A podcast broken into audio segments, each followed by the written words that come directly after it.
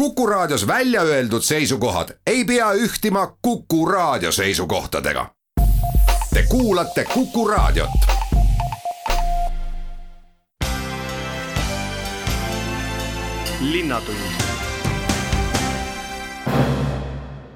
tere päevast, Linnatund alustab stuudios on saatejuht Ulla Lents ja ütlen kohe tere meie tänase saate esimesele külalisele, kelleks on Merelahe Perearstikeskuse juht, doktor Riin Lanno. tere tulemast Linnatunni saatesse. tere ka minu poolt no kõige olulisem asi praegusel suvisel ajal on see, et meil siin ühel päeval tuli just teade, mis tuletas meelde nende lastevanematele, kes lähevad nüüd esimesse klassi, et enne kooli minekut kõigi muude askelduste seas oleks vaja teha ära ka lapsele tervisekontroll. kui tähtis ja oluline see on? no tegelikkuses on see väga tähtis ja eriti ma ütleks just sellel aastal on ta väga tähtis, sest tänu sellele pikale koroonaperioodile nägid perearstid oma nimistu lapsi tõenäoliselt vähem kui tavaliselt, sest äh, inimestel oli täitsa õigustatud hirm liigselt tervishoiuasutusse pöördumise mõttes, et, et on võimalik ka sealt infektsiooni saada. teine asi oli see, et kui lapsel oli näiteks viirussümptomaatika, siis esimese asjana tegelikult äh, kutsuti üles ja see oli ka õigustatud, tegema koroonatesti, et kas tegu on koroonaviirusega ja kui enamasti tegu ei olnud koroonaviirusega õnneks, siis tegelikult jäi ju tuvastamata, mis viirus see on ja, ja saadi kuidagi ise hakkama, et ei pöördutudki arsti poole. ja selle tõttu me võib-olla nägime neid lapsi, kes nüüd just hakkavad kooli minema, vähem et võimalik, et nad aasta jooksul ei sattunudki kordagi perearsti vaatevinklisse. nüüd äh, rääkides sellest tervisekontrollist, siis see ongi selles mõttes tähtis, et neid tervisekontrolle, kus arst osaleb, plaanilisi tervisekontrolle, on päris vähe. üks nendest ongi siis see, ütleme, enne kooli minekut tervisekontroll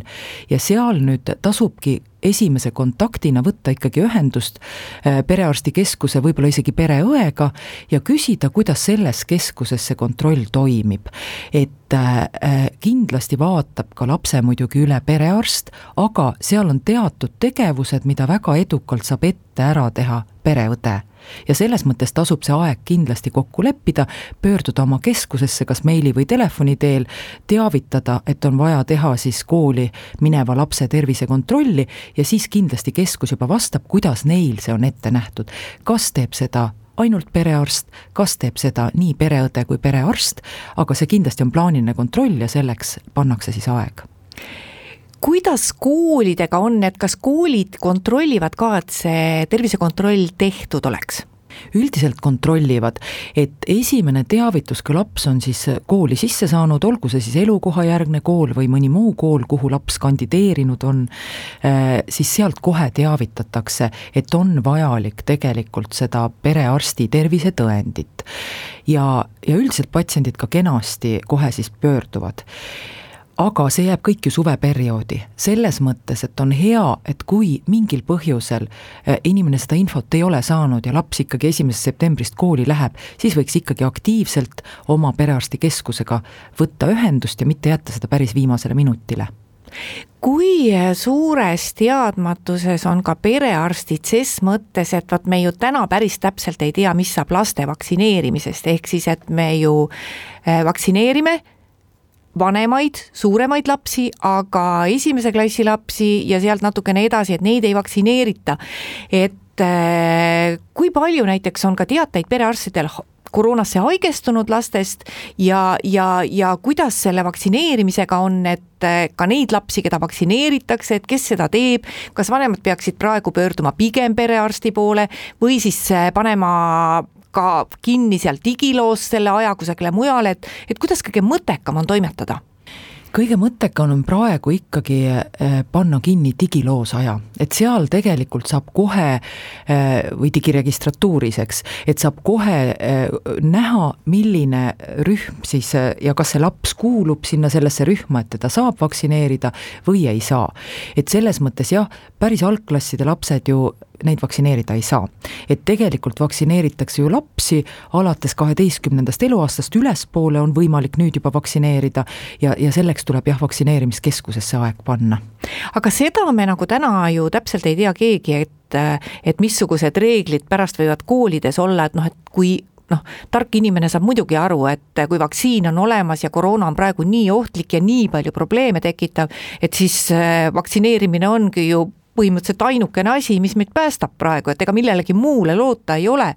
et äh, seda me ju täna ei tea, et noh, et äh, kas koolides hakkavad nendele üle kaheteistaastastele lastele ka veel siis, kui tekivad taas keerulised olukorrad, et hakkavad mingid erireeglid, et nemad ei võib-olla saavad siis kooli jääda, kes on vaktsineeritud, teised peavad kaugõppele minema, et seda me täna ei tea, eks? ega ei tea küll, aga, aga siin ma tegelikult arstina kutsun üles ikka kõiki vaktsineerima, sest äh, väike näide näiteks oma perest, et kui laps sai kuusteist, siis ta palus oma kuueteist aasta sünnipäevaks, et kas ta saaks vaktsiini. Õnneks jäi see sellesse perioodi, et, et tal oli täiesti õigus ja võimalus seda vaktsiini teha.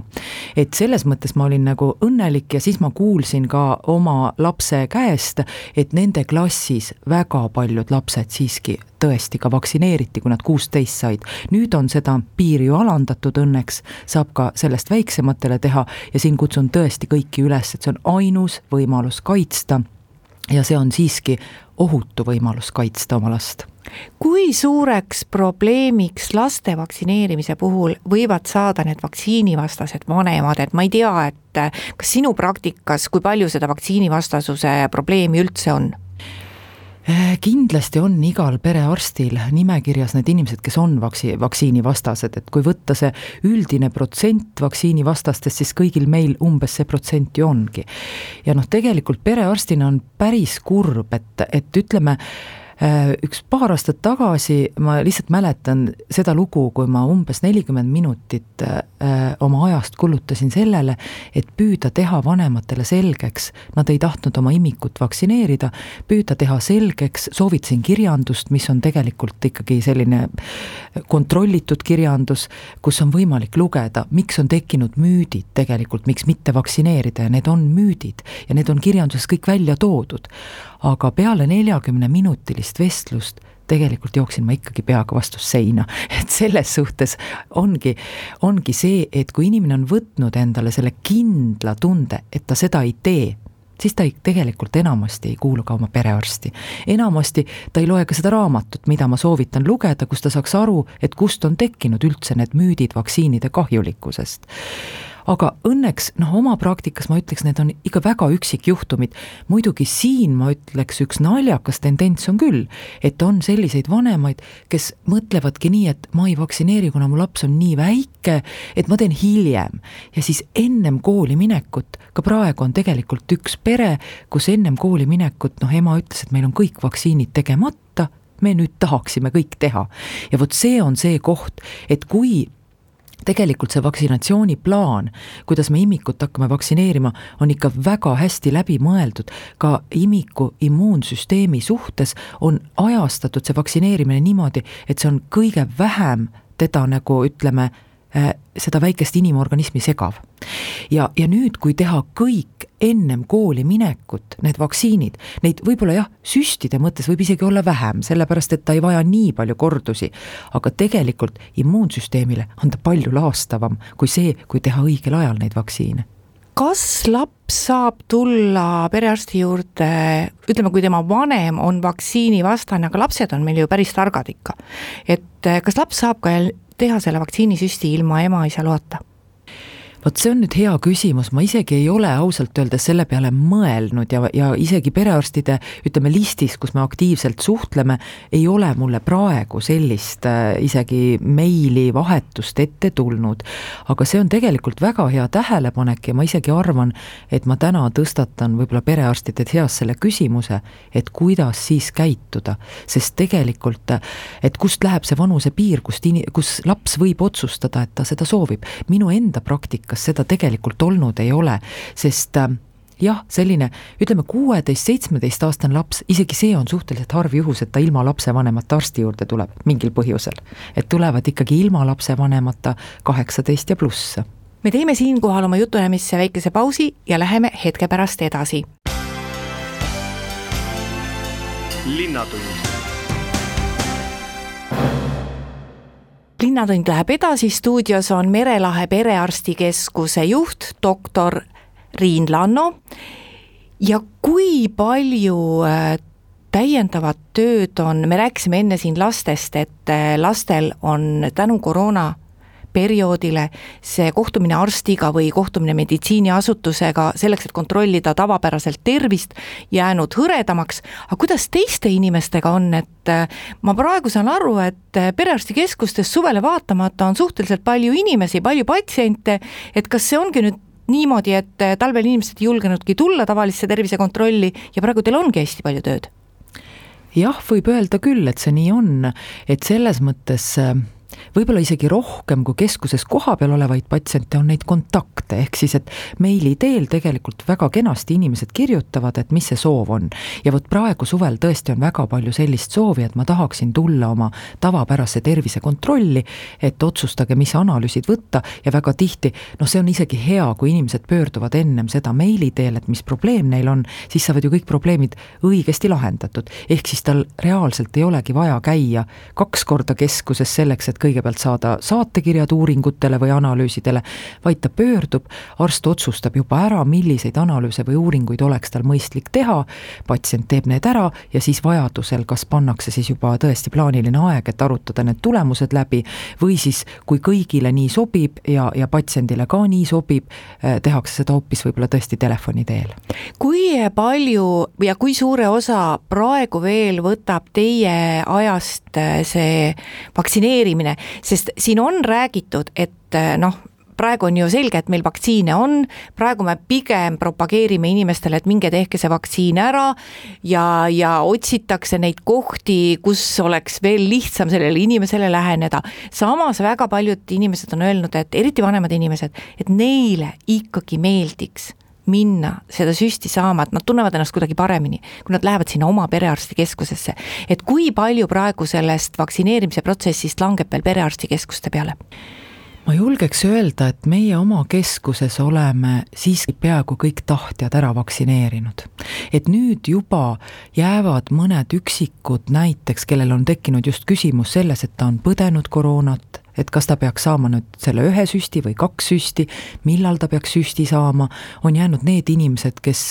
esimesest süstist noh, näiteks hirmuga tegid ära esimese süsti ja oligi mingi väike reaktsioon, nad tahavad nõu pidada, nad kardavad minna vaktsineerimiskeskusesse, sellepärast et et seal see asi ei ole võib-olla jah, tõesti, seal ei ole seda oma arsti, oma õde, kes tegelikult teaks kogu tema lugu.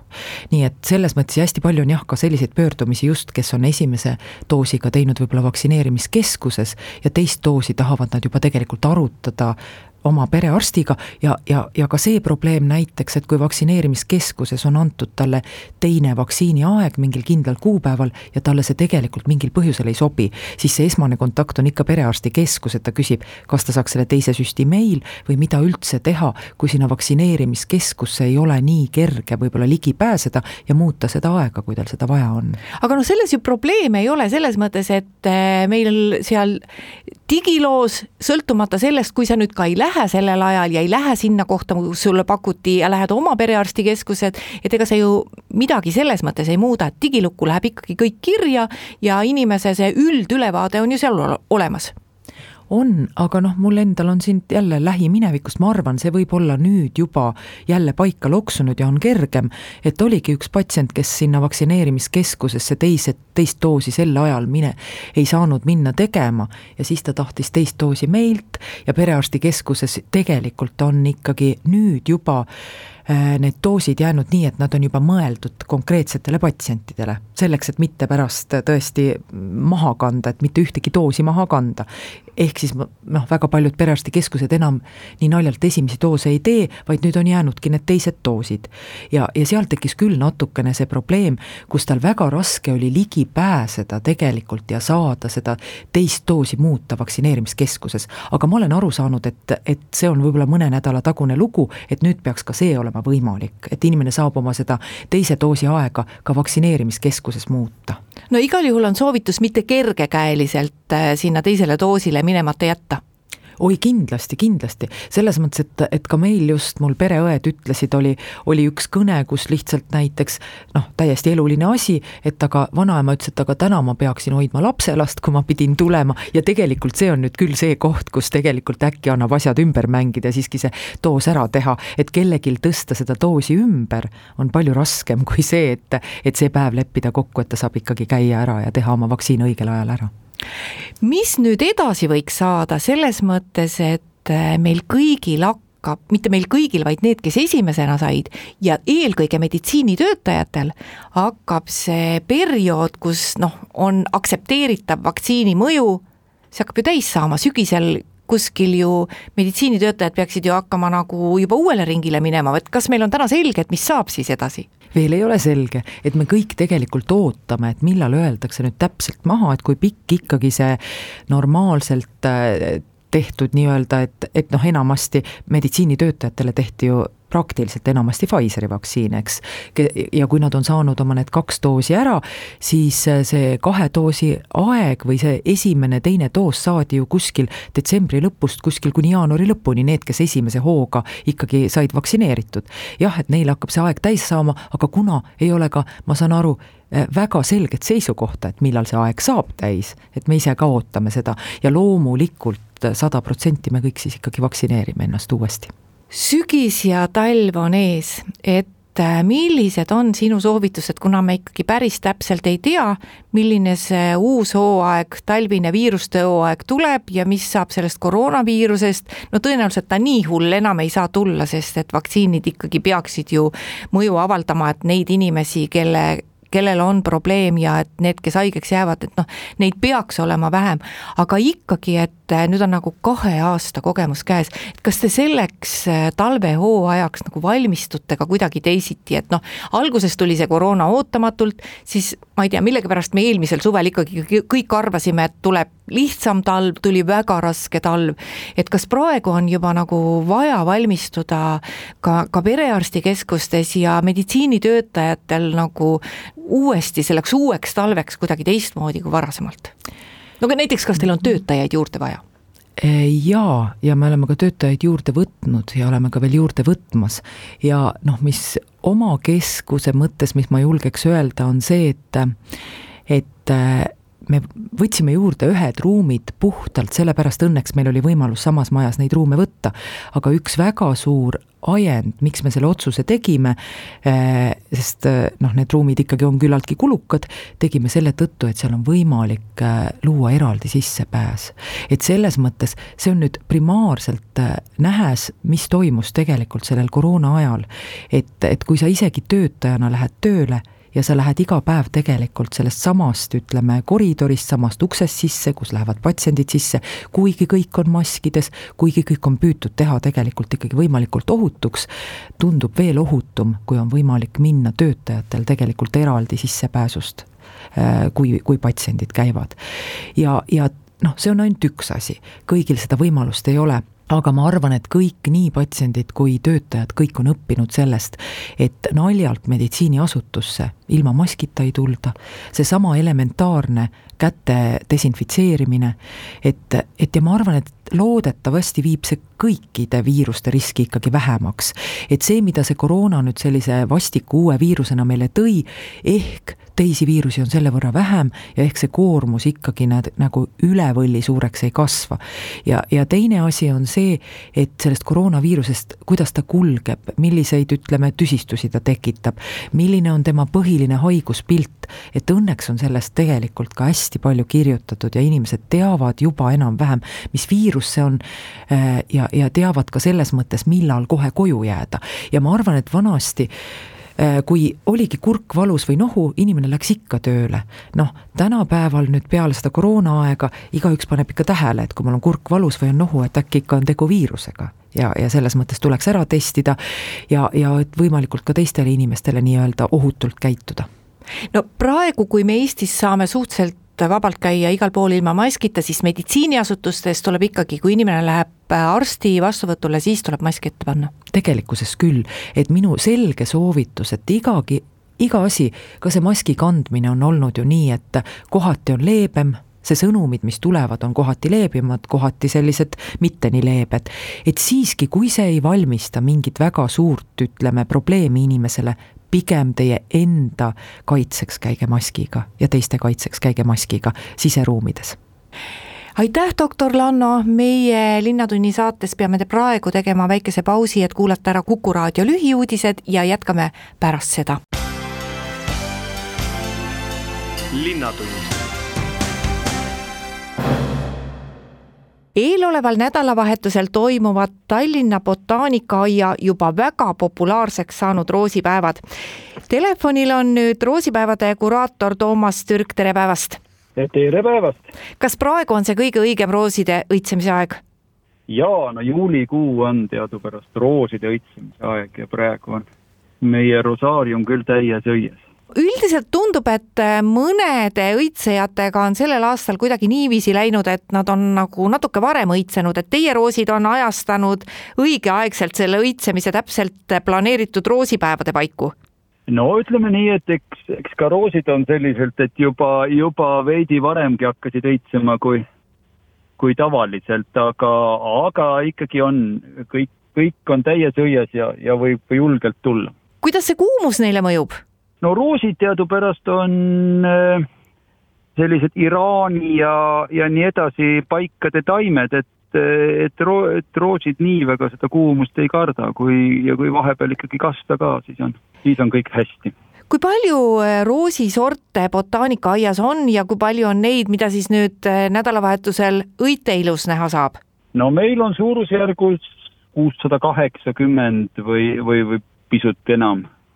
erinevat roosisorti ja, ja eks, eks ikkagi enamusi on neist, neist näha nüüd ras-, nii täpselt raske öelda, aga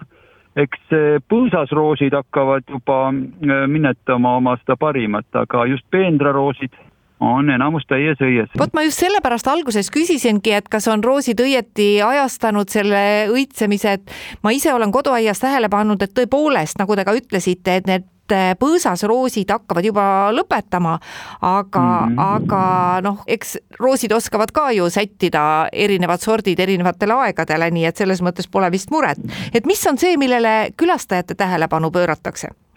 no kui nüüd rääkida lühidalt, siis tõepoolest sellel nädalavahetusel toimuvad roosipäevad ja ja meil on äh, siis kell üksteist ja kell üks päeval on ekskursioonid nii eesti kui vene keeles. Äh, ja, ja siis kell kaksteist on omakorda väike õpe erinevast, erinevate looduslike vahenditega taimekaitse osas. ja, ja väikene ka muusikalised vahepalad ja eelkõige siis õhtul on Pillelille muusikafondi vahendusel kontsert Roosid lõunast, see algab pool kaheksa ja pileteid on täiesti veel saadaval, nii et ja, ja ka kohapeal on müügil, nii et, et paluks kindlasti ka sinna tulla. No vot, teie juures saabki ju teha neid jalutuskäike erinevate spetsialistide, sealhulgas teie endaga, et äh, inimestel ilmselt suur boonus on selle õite ilu imetlemise kõrval see, et saab spetsialisti käest küsida, et, et kuidas varasemad aastad on näidanud, et neid küsimusi on ikka hästi palju? Äh, eks ikka ja ikka tuleb otsast peale need põhiprintsiibid ära rääkida, et, et, et roosi, roosid on ju poogitud äh, kibuvitsa peale ehk et, et see pookekoht peaks circa sõrme sügavusel maas olema ja ja et kui lõigata roosi, siis äh, ei tohi kohe punga pealt lõigata, vaid paar sentimeetrit kõrgemalt. Ja, ja nii edasi, selliselt kõik need, kõik need põhiprintsiibid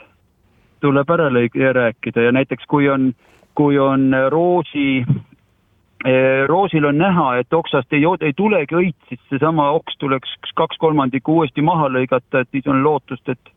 et ta kasvatab õiega oksa nii-öelda, nii et, et kõik selliseid eh, ja väetamisi ja, ja, ja taimekaitset ja kõike me kõike me pisut käsitleme. väetamise koha pealt ma usun, et algaja aednik ja algaja roosikasvataja on võib-olla nagu sellega kõige rohkem kimpus, et ma tean jah, et mida inimesed räägivad, et üks asi on seesama, mis te ütlesite, et see lõikamine, et ei tunne ära, et missuguse osa peaks ära lõikama, et kui te nüüd rääkisite lähtuvalt sellest õienupust, et siis on nagu lihtne aru saada, aga mina olen aru saanud, et selle väetamisega on inimesed nagu kõige rohkem hädas, et et kas ikkagi eeldus, et su roos õitseb igal suvel, see eeldus on see, et no mida, mingit sellist väetiseampsu peab talle ikka andma? ja ikka, meie paneme nii kanakakat kui ka siis täisväetist roosile. ja et ikkagi kevadel maikuus ja, ja vajadusel seda tuleb siis lihtsalt jälgida, et kui on lehed liiga heledad, siis äh, anname ka lehekaudset väetist ja näiteks noh, meil kahjuks ei ole sellist sõnnikulaadset toodet müügil, aga Inglismaal parkides multsitakse, kui meil multsitakse sageli männikoorega, siis seal roosid multsitakse sõnnikuga, et kohe oleks seda rammu, et eh, nii et selles mõttes jah kui palju muutub roosimood, et kas me rooside puhul ka saame rääkida, et vaat praegu on nagu eh, ühesugused roosid moes, et mida just inimesed lähevad ja küsivad ja ostavad ja tulevad ka teile vaatama ja kui palju me räägime, et noh, et ongi sellised nagu vanad sordid, mida, mida Eestis on alati olemas olnud ja noh, võib-olla mida praegu ei oskagi nagu otsida, et, et kas roosi, on ka selline roosimood olemas? roosimood on kindlasti olemas, aga nüüd, kui kui, et, et no mis on, mis on sellised, eks kõik erinevat värvi äh, õied ja muidugi, mida praegu väga taga aetakse, on ikkagi see sinine õis. tõesti, jah? seda veel tõsi, tõsi sinist õit ei ole, ei ole veel leitud. siin on küll mõned sordid on ligilähedased, aga, aga, aga päris sellist ei ole. et aga mis on nüüd tõesti meie botaanika ja väga eripära on äh, nii-öelda rooside ajalugu, et meil on peenrad jaotatud sarnaselt, et on uusnurgad, kus on siis lihtsalt äh, T-hübriidid ja floripundid põhiliselt, need, need põhilised siis äh, peenraroosid. aga, aga pikad peenrad on kujundatud nii, et on rooside ajalugu, et hakkab kõige esimesest mida pin-, ütleme nii, et mida peetakse kõige esimeseks äh, peenraroosiks, on sort La France, oli tuhat kaheksasada kuuskümmend seitse, jah. ja, ja sealt edasi siis järjest kas viie või kümne aasta kaupa, no hetkel veel on nad natukene seal meil äh, võib olla ka eksimusi, aga meil on suur lootus siin paari aasta jooksul kogu rosaarium ümber kujundada, nii et, et kõik need momendid saaksid paika ja, ja täiesti ka uusi kümne-viieteist aasta eh, vanuseid sorte oleks siis rohkem nendes kuusnurkades ja nii edasi, nii et selline suur plaan meil ka on. aga praegu ongi siis viimaseid hetki võimalik eh, vaadata siis seda vana eh, rosaariumi. Toomas, mis kellaks peavad kohale tulema need inimesed, kes tõesti konkreetselt teiega tahaks, tahaksid ekskursioonile minna? Eh, minuga on kell üks, nii laupäeval kui pühapäeval kell üks ja härra Urmas Laansoo teeb siis kell üksteist mõlemal päeval oma ekskursiooni. jättes roosid kõrvale, et kui eh, keeruline suvi, selline kuum suvi üldse botaanikaaia aias tervikuna on, et kui palju rohkem teil tööd on? no eelkõige on see kastmine, üks lõputu, lõputu kastmine, aga noh, eks seal on jälle nii, et selle võrra kasvab muru aeglasemalt ja, ja, ja selle võrra on nii mõnedki teised tööd jälle nagu vähem pingelised. et äh, ei ole, et kõik ei ole problemaatiline, et midagi positiivset on ka? ikka on positiivset ja kokkuvõttes ongi see ju, tuleb ka nautida seda, mis, mis on, et sellist ilma jälle ju noh, iga aasta ei anta, nii et seda tuleb kõike nautida ja kindlasti tasuks äh, külastajatel äh, vaadata meie uut äh, kiviktaimlat, kus on siis, äh, mis ei ole küll nüüd veel lõpuni täis istutatud, aga just, just nüüd alga-, sellel kevadel siis algasid uuesti istutused. linnatund linnatund läheb edasi ja nüüd on meil telefonil munitsipaalpolitsei juht Aivar Toompere, tere Aivar! tere päevast! Vaatamata sellele, et meil ei ole Tallinnas massiliselt turiste, on pidutsemine hakanud Tallinnas siin ja seal juba probleemiks saama, et kui palju munitsipaalpolitsei poole selle murega pöörduvad inimesed ja pöörduvad ka linnaosas valitsused? no neid pöördujaid ikka on ja, ja tõesti peale seda, kui neid piiranguid, koroonapiiranguid leevendati ja inimestele nagu rohkem vabadus tekkis, siis elataksegi kohe välja ja no eks ilmad soosivad ka seda, et õhtul on äh, ilus, mõnus, soe ja, ja ega keegi ei tahagi väga kuskil ruumis sees istuda, et ongi väljas ja ja eks üleliigne lärm häirib äh, linnaelanikke ja neid, kes äh, soovivad tõesti just ikkagi magada ja puhata. kus need kõige problemaatilisemad kohad on? Praegult on välja kujunenud äh, no Plessner, siis Telliskivi ja, ja noh, vanalinn on läbi aegade, kuigi vanalinnas on praegu probleeme isegi natukene vähem kui, kui Telliskivis. Mida üldse sellise probleemi lahendamiseks teha saab, et noh, et ühelt küljest on meil ju olemas küll reeglid, et noh, et mis kellani võib õues kõva häält teha ja mis kellaajal seda teha ei tohi ja ka suveperioodil ei ole ju keegi neid reegleid muutnud. ei ole jah, ja öörahu kehtib meil tõesti eh, nädala sees siis kella, alates kella kahekümne kahest ja ja vastu puhkepäevi siis eh, reede õhtul kella null nullist ja laupäeval ka kella null nullist alates. Need reeglid tulenevad jah, korrakaitseseadusest. no arusaadav on see, et sellistel õhtutel nagu praegu, kus on soe ja kus on ikkagi üsna valged ööd veel ja on suvi, et on üsna raske teha selgeks ja tõenäoliselt ei ole ka mõtet igasuguste söögi- ja joogikohtade pidajatele, et noh, et korjake nüüd kell kümme õhtul toolid ja lauad õuest ära, et äh, mõistliku pidutsemise juures äh, ei peagi seda keelama. et et kus, kus sa ise näed, et kus see kompromissi koht nagu üldse võiks olla, et kuidas saada olukorda selliseks, et need, kes kõrvalmajas magavad ja peavad hommikul tööle minema, et nemad saaksid ikkagi öösel magada ja noh, need, kes äh, tahavad õhtul väljas olla sõpradega koos, et nemad saaksid ka seda teha. et ega keegi ju ettevõtlust nagu piirata ei taha ja aga samas jälle ettevõtjad peavad ka arvestama sellega, et et neil ei ole mitte õigused, vaid on ka kohustused, et et õigus on jah, raha teenida, aga kohustus on järgida, et oleks nagu ka äh,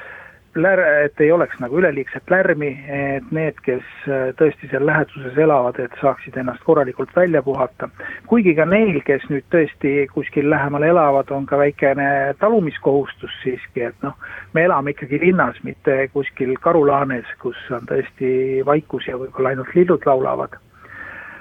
aga näiteks Telliskivi äh, piirkonna ettevõtjad on küll ise ka sellest väga huvitatud, et äh, et neil probleeme ei tekiks ja nad on palganud sinna turvafirmasid,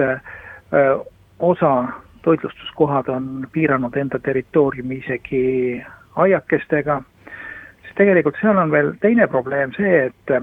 üks on see, et et sealt söögikohtadest müüakse alkohoolseid jooke ja väljas tarbitakse ja muusika mängib kõvasti,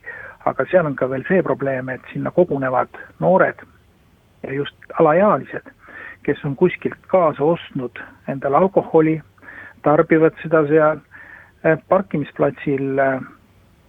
tehakse autol kapotid uksed lahti, pannakse tümps mängima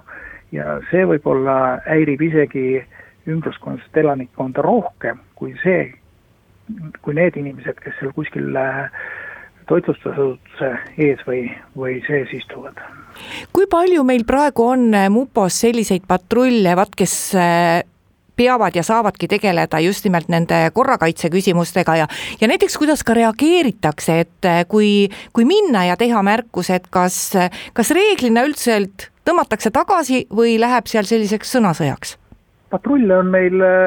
õhtul on piisavalt, aga noh, kuna me ei tegele mitte ainult ju äh, avaliku korraga, vaid väga palju on probleeme just äh, ka parkimistega, kus tõesti on keegi kinni pargitud või saab prügiautod ligi ja ja, ja teisi probleeme veel äh, lemmikloomadega, kus hauguvad ja ja ei lase inimestel magada, aga teenindame neid väljakutseid kõiki äh, vastavalt võimalusele ja nii kiiresti kui võimalik. aga nii meie kui ka politseipatrulli kohale saabudes jah, ütleme seda, et väga niisugust äh, vastuaukumist ei ole, et tõmmataksegi tagasi, aga nii kui selja keerame, nii on, keeratakse jälle tümps peale ja, ja võetakse pudel põuest välja, kui ta on sinna ära peidetud vahepeal. kas see see avalikus rinnaruumis äh, lärmamine ja, ja korrarikkumine ongi selline suvele iseloomulik trend või toob suvi kaasa äh, ka muid selliseid asju, millega võib-olla aastaringselt äh, munitsipaalpolitsei tegelema ei pea? eks see suvi on natukene tõesti ka eriline, et just see, et nagu inimesed vabanesid ja, ja see, et need ilmad on tõesti nii ilusad, siis äh, sel suvel on näiteks tekkinud äh, hästi palju selliseid inimesi, kes avalikus kohas alkoholi tarvitavad, on see siis Balti jaam,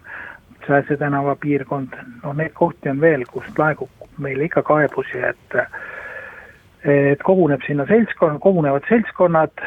tarvitavad alkoholi ja, ja me oleme nendele kohtadel päris palju rõhku pööranud ja ja sel aastal oleme küll päris jõuliselt nagu sekkunud, et kui on ikkagi tuvastatud avalikus kohas alkoholi tarbimine ja, ja see kaaskodanikke häirib, siis äh, reeglina on kõik lõppenud ikkagi väärteomenetlusega, et need tarbijad on saanud karistada. kas nad nüüd ära maksavad selle trahvi, see on juba teine teema, aga selleks on ka oma, oma väikesed äh,, väikesed nõksud olemas, et kui ära ei maksa, siis läbi kohtu äh, taotleme asenduskaristust, et kas äh, ühiskondlikku kasulikku tööd või, või siis arestipäevi kuidas äh, teie inimesed puhata saavad, et ilmselt äh, praegu suvel langes ära väga palju selliseid kohustusi, mis teil oli koroonapiirangute ajal, et annab see nüüd võimaluse ka teie inimestel hinge tõmmata ja ka oma suvised puhkused välja võtta? me oleme üldiselt planeerinud ikkagi oma puhkused kõik kaheteistkümne kuu peale, et